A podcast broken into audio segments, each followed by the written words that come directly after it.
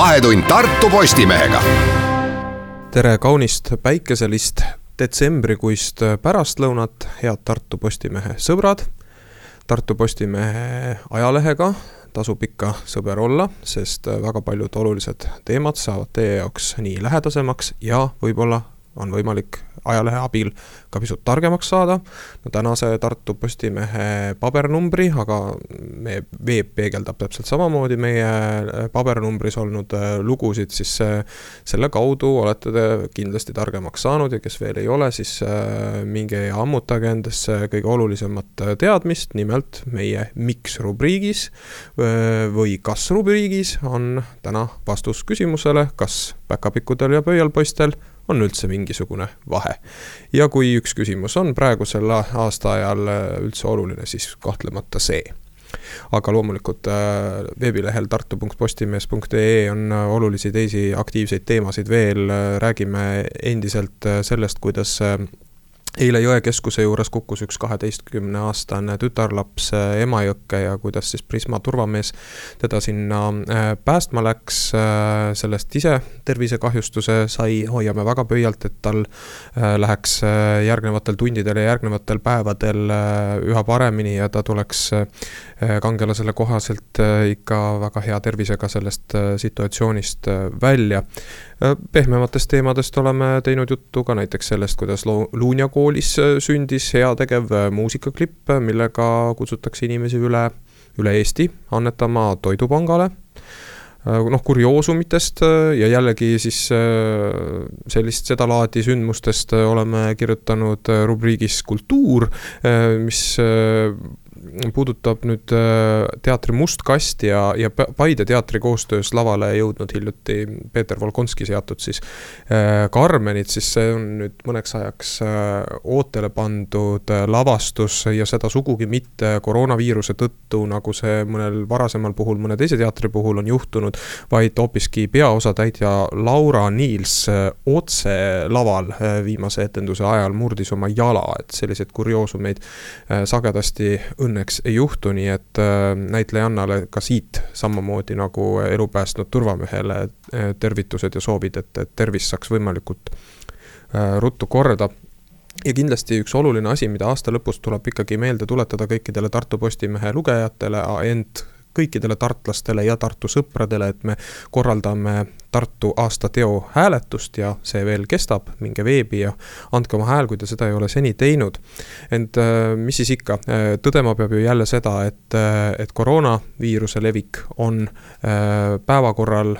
endist viisi ja me ei pruugi seda sugugi tahta, aga lahti me sellest veel ei saa. millal saame, seda võib-olla täna ka arutame. aga noh, näiteks Tartu Ülikooli juhitav koroonaviiruse seireuuring on äsja näidanud ja meil on ka selle kohta uudis veebis üleval, et nakkusohtlike täiskasvanute arv Eestis on äh, võrreldes novembri keskpaigaga mitte lihtsalt äh, kasvanud, vaid suisa kolmekordist tulnud ja sellega haakuvad ka paar arvamuslugu, mis on meil nüüd hiljuti äh, lehes olnud, näiteks Tartu Tarbijate Ühistu juht Tarmo Punger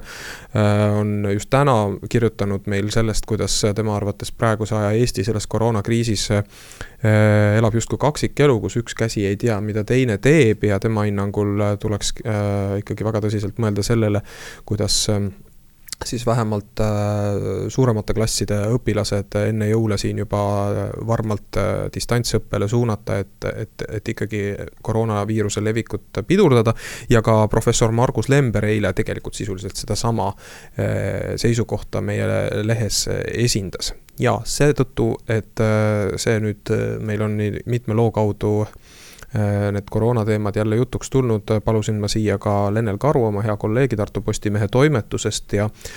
seda eeskätt seetõttu, et eilses lehes oli sinu sulest kaks lugu, mis koroona levikut peegeldas. ja, ja, ja, ja peamine neist just haakub ka sellega, mida ma äsja siin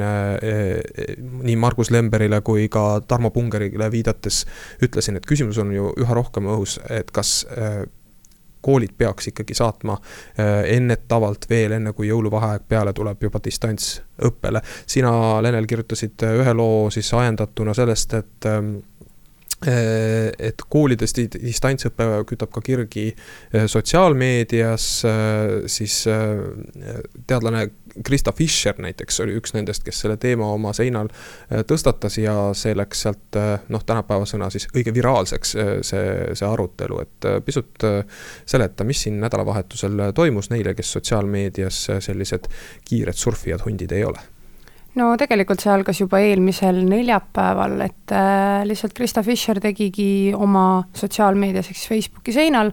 postituse, kus ta äh, hakkas äh, nii-öelda siis äh, väit-, pakkuma debatti erinevate äh, kas siis pedagoogide või inimeste vahel, kes äh, suhtlevad pidevalt kooliõpilastega, et äh, tegelikult ma olen pärast oma loo kirjutamist siis teada saanud, et ma ilmselt ise mõistsin teda ka valesti, et äh, et kuigi ta selle postituse tegi, et kas koolide distantsõpe võiks olla lahendus viiruse leviku pidurdamiseks, siis tegelikult äh, nüüd on ta siis selgitanud, et äh, tegi ta postituse just sellepärast, et saada aru, mida arvavad need inimesed, kes igapäevaselt äh, koolides töötavad, õpilastega kokku puutuvad ja seda asja lähemalt näevad. ehk siis põhiline asi, mida tema ka ütles, oli see, et kui me räägime teadusnõukoja või valitsuse seisukohtadest, siis tuleks kaasata diskussiooni ka need inimesed, kes igapäevaselt selle teemaga kokku puutuvad. ja seal läks siis äh, tõepoolest päris tõsiseks aruteluks, et tänaseks on seal juba ligi kakssada kommentaari ja võtsid sõna nii erinevad õpetajad, lastepsühholoogid, samuti ka Irja Lutsar, veel mõned teadlased ja lapsevanemad.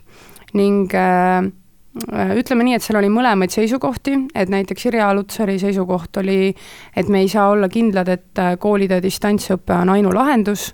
äh, et uuringud on näidanud erinevaid tulemusi ja tegelikult, nagu sa ise ka mainisid, Rannar, et nakatumine on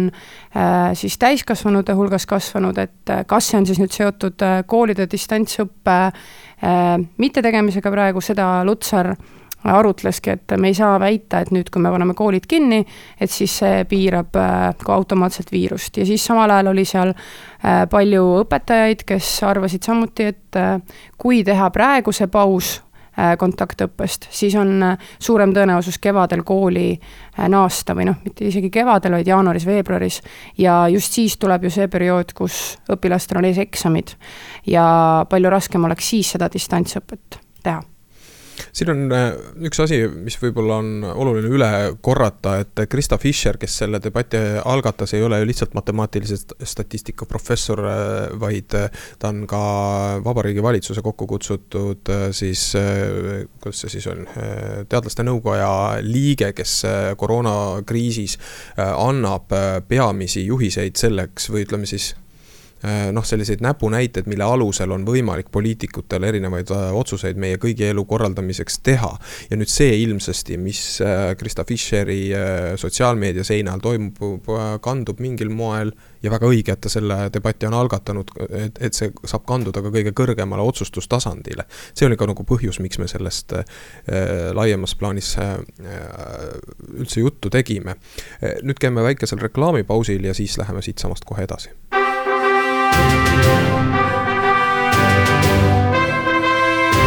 vahetund Tartu Postimehega koroonaviiruse levikust ning sellega seotud äh, keerulistest otsustest räägivad edasi Tartu Postimehe ajakirjanikud Lenel Karu ja Rannar Raba. Ehm, peab tõsi, tõsimeeli ju tõdema, et, et olukord jätkuvalt on skisofreeniline ja, um-, ja üha skisofreenilisemaks läheb, sellepärast et, et ühelt poolt äh, me noh, inimesed on nagu üha rohkem äh, tüdinud kogu sellest koroona teemast ja ma kujutan ette, et äh, et neid valikuid, mis paneksid ühiskonna märksa rohkem senisest, senisega võrreldes lukku, ongi poliitikutel väga keeruline teha. sest selle sellise nii-öelda adekvaatse mm, ütleme siis kangusastme leidmine ongi väga, väga, väga raske. teisest küljest, kui me vaatame seda, mis toimub näiteks Lätis või Leedus ja mismoodi, millise rangusega on sealsed poliitikud äh, käitunud, siis äh, Eesti teeb siin küll nagu ilmselgelt äh, Rootsit, noh, me õppisime selle nii-öelda Rootsi tegemise mõiste selgeks kevadel, kui rootslased olid ülejäänud maailmaga võrreldes noh, üsna-üsna teistsuguse ja märksa-märksa liberaalsema hoiakuga. ja nüüd üks asi, mida meie siin Tartus peame kindlasti ka tõdema, on see, et väga huvitav on näha, kuidas toimib meie kohalik linnavõim, siis kui kevadel oli Tartu raad kahtlemata kahtlemata üks nõudlikumaid äh, piirangute kehtestajaid ja ka valitsuse suunas näpuga vibutajaid, siis praegu me näeme Tartus pigem just nimelt sellist reformierakondlikku liberaalset joont. mitte, et Reformierakonnal võiks, peaks olema koroona suhtes kuidagi ekstra liberaalsem hoiak kui teistel, sest see pole maailmavaate küsimus. aga, või väga ei ole maailmavaate küsimus, aga jah, me näeme ju seda, kuidas meil äh, kutsutakse inimesi Raekoja platsile uisutama, seal on omad reeglid ja mul ei ole alust väita, et et keegi seal väga äh, ükskõikselt ja hooletult käituks, kuigi ka sellest on sotsiaalmeedias juttu olnud, siis äh, noh, ikkagi, et see on kaks täiesti erinevat maailma, mida me nägime kevadel märksa väike, väikesema nakatumise tingimustes ja nüüd aga ma saan sellest ka aru, see ei ole etteheide, sest äh, olukord äh, ongi mõnes mõttes teistsugune äh,, sest äh, sest noh, ütleme siis niimoodi, et, et väga pikalt ühiskonda lukku panna ei ole ka tark, sest siis ta hakkab kätte maksma ka inimeste tervisele teistest valdkondadest, olgu siis meil juttu äh, vaimsest tervisest äh, või siis edasi lükkunud äh, muudest noh, ütleme siis terviseprotseduuridest. ja tööta jäämisest ja kõigest-kõigest muust, nii et need valikud ongi keerulised, seda me peame ju tõdema. aga nüüd tuleme konkreetsemaks tagasi, et, et see distantsõppele minek, kui, kui peaks peaks äh, poolt hääletama, mina isiklikult, siis äh, mulle tundub küll, et nii Tarmo Pungeri kui Margus Lemberi positsioon praegu selles mõttes on väga asjakohane, et, et paar nädalat enne kooli vaheaja algust, enam ei olegi paari nädalat ju jäänud, saata vähemalt siis põhikooli õpilased, algklasse ju ei pea, ikkagi distantsõppele, kui ei, ei tohiks olla nagu väga keeruline, see ei tohiks kellegi haridust haridustasemest midagi nagu ära hammustada ja, ja ka selle ärakorraldamine, arvestades, et niikuinii tulevad lõdvemad ajad praegu äh, õppetöös. see ei tohiks olla väga keeruline ja miks siis mitte kasvõi igaks juhuks seda teha, mis sina, Lene, arvad? ma olen äh, sellise kahetise seisukohaga, et, äh, et ühelt poolt tekib küsimus, et et kui, äh, kui nii paljud noored lähevad distantsõppele koolist, siis ilmselt hakkab tekkima küsimus, et kas ka huvitegevus tuleks sinna juurde liita. kahtlemata, minu arvates küll peaks olema täiesti loomulik osa sellest otsusest ja siis hakkab tekkima küsimus, et äh, kas vanematel on võimalik täna kontrollida ikkagi, et nende lapsed ei läheks kas siis distantsõppe ajast või puuduva huvitegevuse ajast hoopis äh, linna peale. sest et seda me, mina isiklikult nägin ka kevadel, et küsimus tekib sellest, et mis on see alternatiivne tegevus mida, mida noored üldse saavad ja, ja kui nad on niigi nagu tüdinud juba praegu kõigest, mis on juba distantsõppel või kõikidest reeglitest, et kuidas nad üldse sellele reageerivad et...? aga kuidas nad reageeriksid sellele, kui äh, meil tulevad nüüd pühad peale, aasta vahetub ära ja see jaanuarikuine olukord on täpselt sama piinarikas ja vastik, nagu ta on praegu või pigem veel rohkem, kui samal ajal hakkab siis tulema meile sinna juurde see foon, et meie, meie meditsiinisüsteem on, on viirusepuhangu all murdunud või murdumas, siis ega see ei saa lihtsam olema, et eh, noh, mul ei ole, loomulikult mul ei ole mingisuguseid eh, põhjapanevaid fakte, millele toetada oma teooriat, aga ma julgeks nagu äh, pakkuda, et kui, kui mingisugunegi variant on praegu kergemini pääseda, siis langetada nüüd mõni piirav otsus juurde, ehkki ma näen, et ka see, mida näiteks Lätis tehakse, on teistpidi üle pingutatud mm. -hmm. ja et ma olen ka nõus sellega, et muidugi praegu on, on lihtsam see paus teha, aga siis tekibki küsimus, et äh, kui samal ajal on mõned teised kohad lahti, kus ikkagi inimesed kogunevad ja paratamatult on näha, et ega restoranides ei hoia inimesed ju neid vahesid. et siis tekib küsimus, et äh, kas siis ei peaks juba kõiki asju piirama, ausalt öeldes noh jah, võib-olla peaks ka nii küsima jällegi, noh siin äh, võib korrutama vist jäädagi, ega see kellelegi uudis ei ole, et, et selle, selle noh, nii-öelda täpse tasakaalupunkti leidmine on väga raske, vaatad ühe mätta otsast, see paistab ühes kohas olevat, vaatad teise mätta otsast, see paistab äh, noh, hoopis, hoopis kusagil äh, mujal asuvat aga nüüd sina, Lenel, oled ju meil tegelikult spordiajakirjanik ennekõike. mis praegu sportlased teevad? no eks nad ole üsna närvilised, sellepärast et äh, mõned äh, spordialad on pandud olukorda, kus nad peavad kümneliikmelistes gruppides treenima, aga muidu on grupis näiteks kolmkümmend inimest või kaksteist inimest ja siis need teised kaks või teised kümme peab äh, kuidagi teistmoodi tegevusega liitma, treeneritele tekitab see lisakoormust ja kindlasti on äh, raske ka nendel, kes on seotud mingite võistlustega, mis on ära jäänud, et eks seis on selline kehv, aga samas äh, vähemalt praegu saab trennis käia veel, nii et seda hinnatakse siiamaani. Mhm, no ja ega maskiga ikkagi nagu trenni ei tee, eriti kui sa tahad ja. olla mingisuguses äh, tipus. Et.... jah, see on fakt, et äh, maski ei saa kasutada sportlikul tegevusel ja eks sealt tekibki see küsimus, et, et äh, noh, et kas siis ikkagi see oht on maas, kui inimesed käivad trennis ja aga, aga sportlased on, äh, nägid, mis juhtus kevadel, kui võistlused peatati, tiitlivõistlused pandi seisma. ja ma arvan, et kui seda nüüd uuesti peaks tehtama, siis sealtpoolt tuleb kindlasti päris kõva protest. eriti hull lugu on praegu ju selles mõttes, et me oleme justkui selle, selle koera saba juures, vähemalt me arvame ja loodame seda olevat, sest äh, kui ma ei eksi, siis eile või täna siin Euroopas, täpsemalt siis Suurbritannias, väljaspool Euroopa Liitu küll nüüd juba äh,, algas vaktsineerimine ja kõik elavad selles lootuses, et, et, et kohe-kohe saab see, see suur jama meil läbi, aga noh, tõsi on ju see, et tegelikult ei, ei ole ja see koera saba võib olla veel väga kõrge. ja, ja nende otsuste langetamine, mis nüüd lähipäevidel, päev, päevadel ees on, ei saa olema kerge mitte kellelegi, ei isik, üksikisiku tasandil ega ka minu pärast valitsuse tasandil. no hea küll, et äh, ükskõik kust otsast me seda teemat siin praegu jätkaks, kipub see igal juhul targutamiseks. Äh, püüame siis meie ajakirjanikena rohkem äh, edastada neid fakte, näidata seda, mis ümberringi toimub ja alles siis, kui on arusaamine selge, edasi arvata, niisiis praeguseks paneme paneme oma ajakirjaniku, ajakirjaniku nokad kinni, et kuulata ära pooltunni uudised, pisut reklaami ning siis alustame siin kolleeg Eili Arulaga juttu hoopiski teisel teemal, mis puudutab regionaalpoliitikat.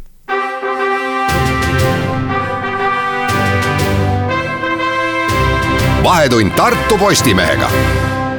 Saade jätkub, ent kõik ei ole päris samamoodi nagu eelmises pooltunnis kolleeg Lennele Karu on läinud äh, teiste tööde tegemiste juurde ning äh, nüüd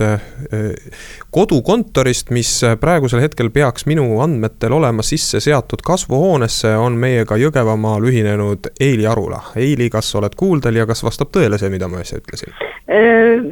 ja no peaaegu kuuldel olen selles mõttes, aga, aga kuna kasvuhoones on üsna külm, siis olen hoopis soojas autos ja et tõde on see, et aeg aeg-ajalt, kui me oleme siin äh, praegusel äh, distantstöö ajastul pidanud ikka aeg-ajalt äh, ka raadioeetrisse juttu tegema telefonitsi, oleme me muuhulgas pidanud tõdema, et mobiililevi ei ole Eestis ikka igal pool päris ühesugune ja elementaarne inimõigus.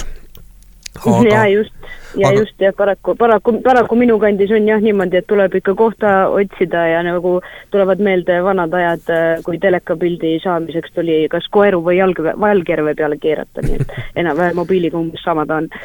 ja, aga äh, enam-vähem õigele lainel oleme nüüd me selle mobiiltelefoni jutuga jõudnud, äh, ju tegelikult tahaksimegi rääkida regionaal- poliitikast äh, kõige laiemas mõttes ja kitsamas mõttes siis äh, kohalike inimeste algatusvõimest ja otsustusõigusest. ja sellesama äh, Jõgevamaa näitel, aga see puudutab väga otseselt ka Tartut või õigemini täpsem, no ütleme siis Tartu valda,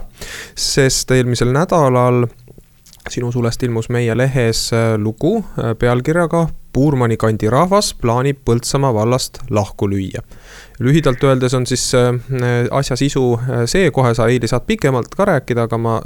sissejuhatavas soojendamises vorm, soojendavas vormis ütlen ära, et, too Puurmani kandi rahvas äh, ei taha siis liituda kellegi muud kui, kui Tartu vallaga ja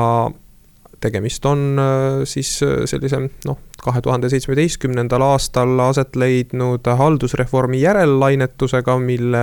tagajärjel siis inimesed justkui endast ülesõidetuna, tähendab, tunnevad, et val-, vallavõim oleks nendest justkui erinevates asjades üle sõitnud, nüüd teil ei ole hea, täpsusta ka raadiokuulaja jaoks, mis on need põhiprobleemid, mille ümber seal siis see tants käib jaa, no ühesõnaga juttu siis on tõesti sellest Puurmani piirkonnast, mis on saanud siis haldusreformiga suure Põltsamaa valla osaks, enne oli siis, enne haldusreformi oli siis Puurmani vald. Et seal on äh,, rääkida natuke, natukene arvudest, et seal Puurmani piirkonnas on siis Puurmani alevik ja kaheksa küla selle ümber, kokku on seal rahvast äh, ligi tuhat. Ta asub, noh, kuna Põltsamaa valla keskus on Põltsamaa linn, mis on siis äh, Puurmani alevikust kahekümne kolme kilomeetri kaugusel, et Puurmani on nii-öelda siis selle suure Põltsamaa valla selline servaala, aga nad on äh, Nad on äh, olnud sellised äh, hästi äh, hakkajad ja, ja sellised iseteadlikud, need Puurmani kandi inimesed. ja, ja neile nagu tundub, et, et see Põltsamaa nii-öelda valla keskvõim, kui me nüüd saame niimoodi öelda, on Puurmani kogukonnast siis kaugenenud, et, et pigem neilt selles suures vallas, et ei, ei anta Puurmani rahvale seda väärtust juurde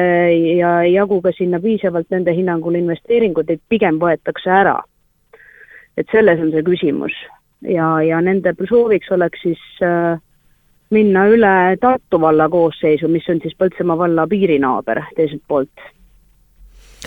enne kui me hakkame täpsemalt analüüsima seda, kellel seal siis tegelikult õigus võiks olla ning millised on väljavaated üldse kohaliku omavalitsuse äh, piire, see, piire selliselt rohujuure tasandilt muutma minna. Äh, veidi täpsemalt palun veel, äh, ma olen täiesti veendunud, et kõik Tartu inimesed või kes iganes meie saadet, kus iganes ilma otsast siis pärast podcast'i kaudu kuulama satuvad, ei ole siiski teadlikud, millega seal Puurmani piirkonnas tegeletakse. kas tegemist ongi sellise äärealaga, mis äh, sõltub täiel määral siis sellest, kus inimesed tööl käivad, olgu need siis Tartu suunas, Jõgeva suunas või Põltsamaa suunas. või on seal kohapeal ka mingeid kandvaid ettevõtteid äh, või muid tegevusi, millel peaks olema otsustuskaalu? ja just, no esiteks äh, noh, kui nüüd rääkida sellest tööhõivest, siis jah, suur osa liikumist Puurmani rahval on ikkagi Tartu poole, et Puurmanist teadupärast on Tallinn-Tartu maantee ääres ja siis üks kümme-viisteist kilomeetrit Tartu poole on laeva Meierei, mis on siis suur tööandja. Puurmanis endas on põllumajandusettevõte, Puurmani põllumajanduse osaühing, seal lähedal on veel palju põllumajandusettevõtteid, siis on seal ka üks kaevandus vist äkki jah, jah, jah, või karjäär tähendab, mitte kaevandus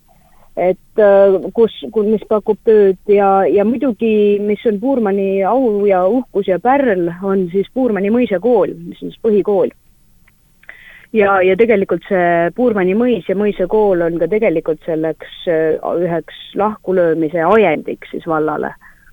et ühesõnaga, kuna kevadel hakkas Põltsamaa vald ümber korraldama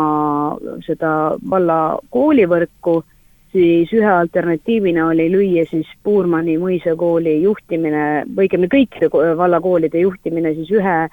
ühe juhtimise alla ja see, see oleks siis olnud Põltsamaa, Põltsamaa Ühisgümnaasium ja, ja ühesõnaga sellega rahvas kartis, et, et ehk, ehk niimoodi vargsi üritab vald sellest äh, koolist üldse lahti saada ja siis on ju ilusat äh, Puurmani lossi lihtne müüa, et äh, et see, see hirm kohalikel on. mis sina arvad, oled selle teemaga ju kokku puutunud äh, varemgi, hirmul on teadupärast ikka suured silmad sõltumata eluvaldkonnast ja eriti suured silmad on need siis, kui inimesed räägivad oma kodust või selle lähiümbrusest. kas äh, see on tõenäoline, et, et kellelgi oli plaan tegelikult äh, vähemalt noh, siis ütleme mõne sellise otsustusastme kaudu, mitte otsesõnu, aga tasapisi ikkagi Puurmani kooli sulgema minna päriselt? No välistada ei saa midagi, selles mõttes, et kui äh, ma viibisin kevadel ühel koosviibimisel, äh, kus olid siis äh, valla esindajad ja Puurmani kohalik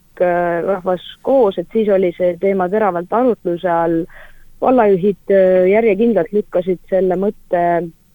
ümber samas on olemas üks dokument, kus on käsitletud erinevaid alternatiive siis äh, koolivõrgu ja üldse valla allasutuste ümberkorraldamise osas, et kui võtta arvesse, kui palju lapsi mingi aja pärast piirkonda jääb, et kui palju siis äh, kui palju siis äh, lapsi oleks sinna teoreetiliselt kooli minemas ja kui palju see kooli ülalpidamine vallale maksma läheb, et siis ühe alternatiivina kooli sulgemisel ja, ja, ja selle hoone müümisel siis oleks võimalik noh, saavutada teatav kokkuhoid, aga see on ikkagi noh, selliseid plaane paberil äh, mingisuguseid tegevuskavasid, äh, neid ei saa nagu võtta päris puhta kullana mitte kusagile, et neid plaane tehakse igasuguseid ja, ja, ja, ja, ja teisteski omavalitsustes, et, et äh, sageli nad seda teed ei, ei lähe, et see oli tõesti ainult üks alternatiiv. Samas noh, kui ta on juba kuskil välja käidud, siis selge on see, et pigem karta kui kahetseda, et ma saan Puurmani piirkonna inimestest täiesti aru selles, selles vaates. et kes kunagi on Puurmanisse sattunud ja seda lossi on näinud, siis noh, see on, see on tõesti väärtus omaette. oo oh jaa, väga imposantne hoone. isegi no, noh, Eesti mõisate üks, üks krooni juvi-, juveelidest kahtlemata. Jaa, absoluutselt, nii asukoha, nii välimuse kui asukoha suhtes, et Pedja jõe kaldal uhke pompoosne valge valge loss ta on ja, ja see on äh, olnud meelispaigaks äh, väga paljudele abiellujatele, seal on päris palju pulmasid olnud suviti, mis noh, kuna ta on kool, siis suviti ju pulma saab pidada küll, et et ühesõnaga seda lihtsalt äh, naljalt käest anda, noh, see on emotsionaalne väärtus, see ja see on täiesti arusaadav, et lasta sellel minna erakätesse ja ja, ja võtta vastu siis teadmine, et mine tea, mis sellest saab või tehakse või kes sellega kuidas saab, et ja teeb, et võib-olla lüüakse lossiväravaid kinni, ei saa sinna keegi jalutamagi minna enam no tõsi muidugi, et ühe ajalooliselt väga väärtusliku hoone hoidmine nui neljaks äh, avalikus kasutuses, äh, kui selle ülevalpidamiseks äh, pole noh, seda kohalikku raha, ega see ka, seda ka tingimata mõistlikuks ei pea pidama, nii et minu meelest on siin ikkagi esmane ja peamine küsimus see, et kas kooli selles asukohas sellel kujul on vaja. mina ei tea, kas seda on vaja või ei ole vaja, noh, ma usun, et kui inimesed koha peal võitlevad selle eest, siis no ega nad tühja koha pealt ei lähe, eks ole, siis äh, oma õigust nõudma, et äh, vähemalt Jaa. mingiks ajaks peaks siis olema nende seisukohal ikkagi äh, mitte sugugi savijalad, vaid ikka üsna tugevad jalad all ei, seda küll jah, et, et aga samas eks see, eks selliste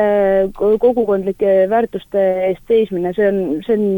ikkagi emotsionaalne küsimus ennekõike, et äh, et äh, kes ja kas ja kui palju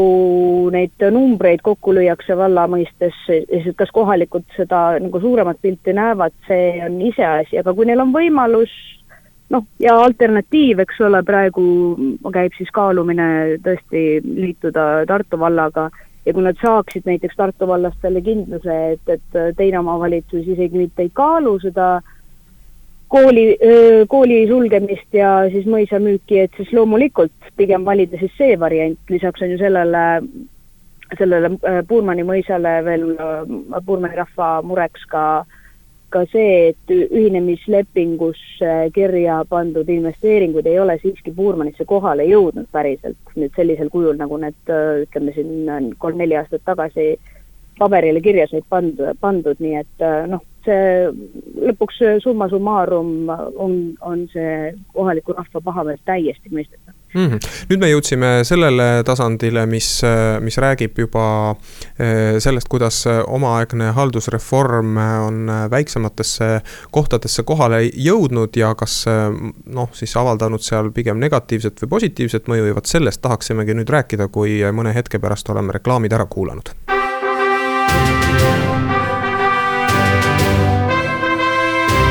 vahetund Tartu Postimehega. Räägime endiselt äh, teemast, mis on ajendatud äh, Puurmanis äh, käärivast vastasseisust või täpsemini siis öeldes Puurmani inimeste Mm, pahameelest oma uue Põltsamaa valla suhtes ja noh, väide on siis see, et, et pärast haldusreformi tekkinud kohaliku omavalitsuse üksus seda piirkonda ei tähtsusta piisavalt, ei ole seal teoks teinud kõiki neid lubadusi, mida haldusreformi eel lubati, pigem vastupidi, on inimestel tekkinud hirm, et nende kaunis mõisakool võiks juhtimisreformi reformi tagajärjel varem või hiljem äh, kaduda ja nii on siis otsustatud, et, et äh, alustatakse protsessi sellest omavalitsusest lahkumiseks ja, ja hoopiski Tartu vallaga ühinemiseks. Äh, nüüd see osa, mis, mis selles uudises on noh, üleviidav väga paljudesse teistesse Eesti piirkondadesse puudutab ju ikkagi seda otsustusõigust ja seda, kuivõrd uued suured vallad peavad ikkagi silmas neid sihte, mida justkui ühinemislepingutesse sisse raiuti, et me juba nägime noh, ütleme siis juba siin reformi täideviimise ajal seda, kuidas tegelikult mõnes kohas, ka mõnes päris rahvarikkas ja suures kohas, nagu näiteks siin Äh, omaaegses Ülenurme vallas äh, sõideti inimeste arvamusest üle. kui me meenutame seda noh, olemuselt võib-olla tühine, kuid imagoloogiliselt hästi tähtis, et, et mis saab selleks ähm, nimeks, mida hakkab Kambja valla ja Ülenurme valla äh, liitvald edaspidi ka, äh, kandma ja korraldati isegi rahvahääletus ja lõpptulemusena oli see, et rahvahääletuse tulemusele risti vastupidi toimiti. Noh, me oleme siin näinud ka seda, kuidas ma ei tea, näiteks Puhja rahvas on pidanud protestikoosolekuid pidama uue Elva valla siis plaani vastu nende kultuuripärandist kantud vana koolimaja maha lammutada, millega justkui midagi peale ei osata hakata ja mille jaoks endiselt raha ei näikse olevat, et seda vähemalt siis noh, sellises enam-vähem normaalses tervislikus konditsioonis hoida ja nii edasi, ehk siis neid, neid selliseid näiteid, kus, kus uue suure valla Eh, ütleme siis eh, otsused igasse äärenurka ei ole sugugi häid sõnumeid toonud, on ju veel ja veel. Kas, kas see asetub samasse mustrisse, millest me praegu eile räägime? Jaa, põhimõtteliselt, siin on muidugi ka üks väike konks või jaga selle juures, et ja millele tõestust ei ole, on siis see, et et kui ei oleks seda haldusreformi olnud, et haldusreform on praeguse, praeguses küsimustes selliste investee-, puudulike investeeringute osas natukene nagu peksukott, selles osas, et, et kui haldusreformi ei oleks tehtud, et kas need väiksed omavalitsused oleks täpselt samamoodi saanud toime tulla iseendaga oma investeeringute ja plaanidega, kui, kui nüüd suurtes valdades. noh, võib ju vaielda, et igaüks võib siin äh, spekuleerida selle üle, et, et äh, plaanid olid paigas ja kõik oleks olnud läinud vanaviisi, et äh, aga see päriselt ka paika peab, me ei saa seda mitte kunagi teada no mina olen küll sellel veendumusel, et haldusreformi tegelikult oli ikkagi väga vaja. see killustatus, mis oli Eestis äh, jäänud vanast ajast ja kõrvutades seda siis uue demograafilise situatsiooniga, ei olnud kindlasti, ütleme siis pidulikult, jätkusuutlik. et midagi tuli ette võtta, aga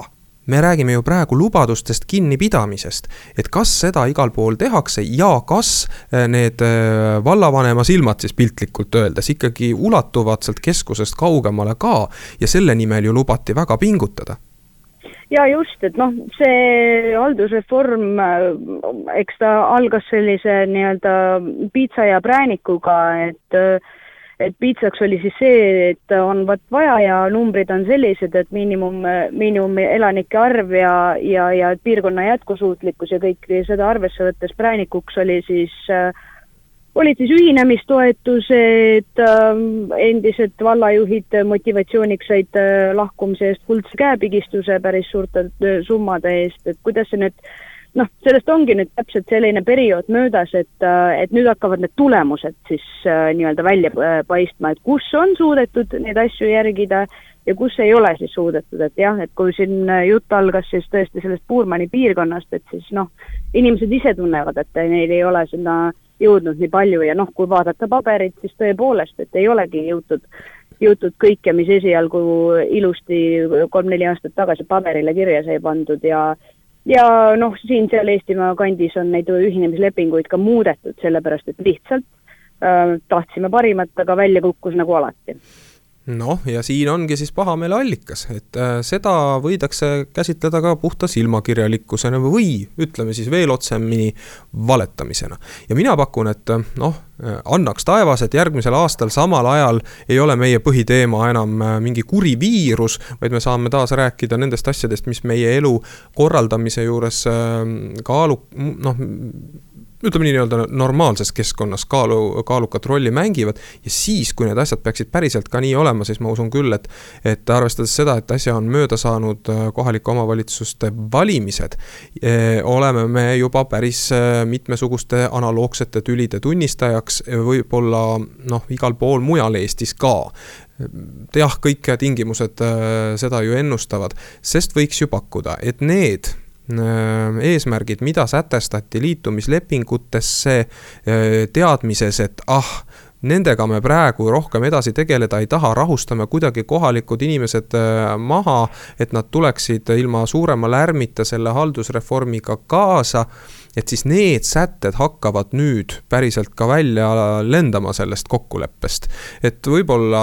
tegelikult mitte võib-olla, vaid päris kindlasti hakkavad kinni minema siin-seal erinevad äh, siis need äh, noh, need esinduspunktid, mis jäid vanadesse äh, vallamajadesse, kus on seni istunud mõned sotsiaaltöötajad, ma ei tea, noorsootöötajad või kes iganes need koha-, noh, sõltuvalt siis asupaigast maakaardil on neid lahendusi väga palju erinevaid. ka koolid on ikkagi need, mis võivad sattuda kergemini uuesti löögi alla, ehkki noh, pealtnäha võiks ju arvata, et, et Eestimaal need väikesed maakoolid, millel üldse potentsiaali ei ole, on juba ammu kinni pandud. aga päris nii see ei ole, et kindlasti neid kohti, kus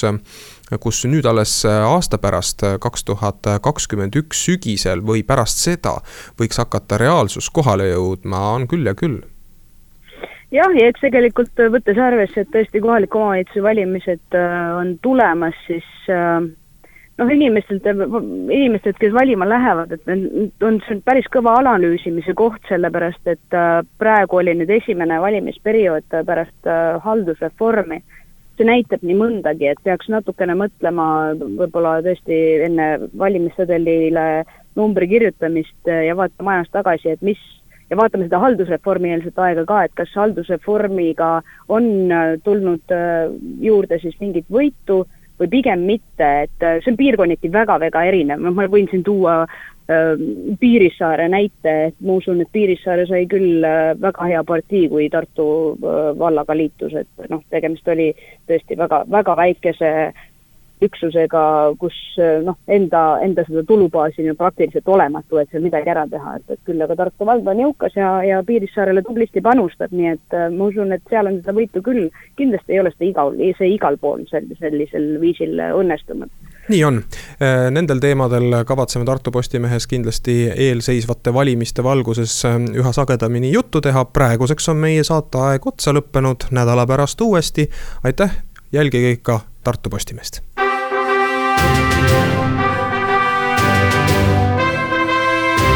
vahetund Tartu Postimehega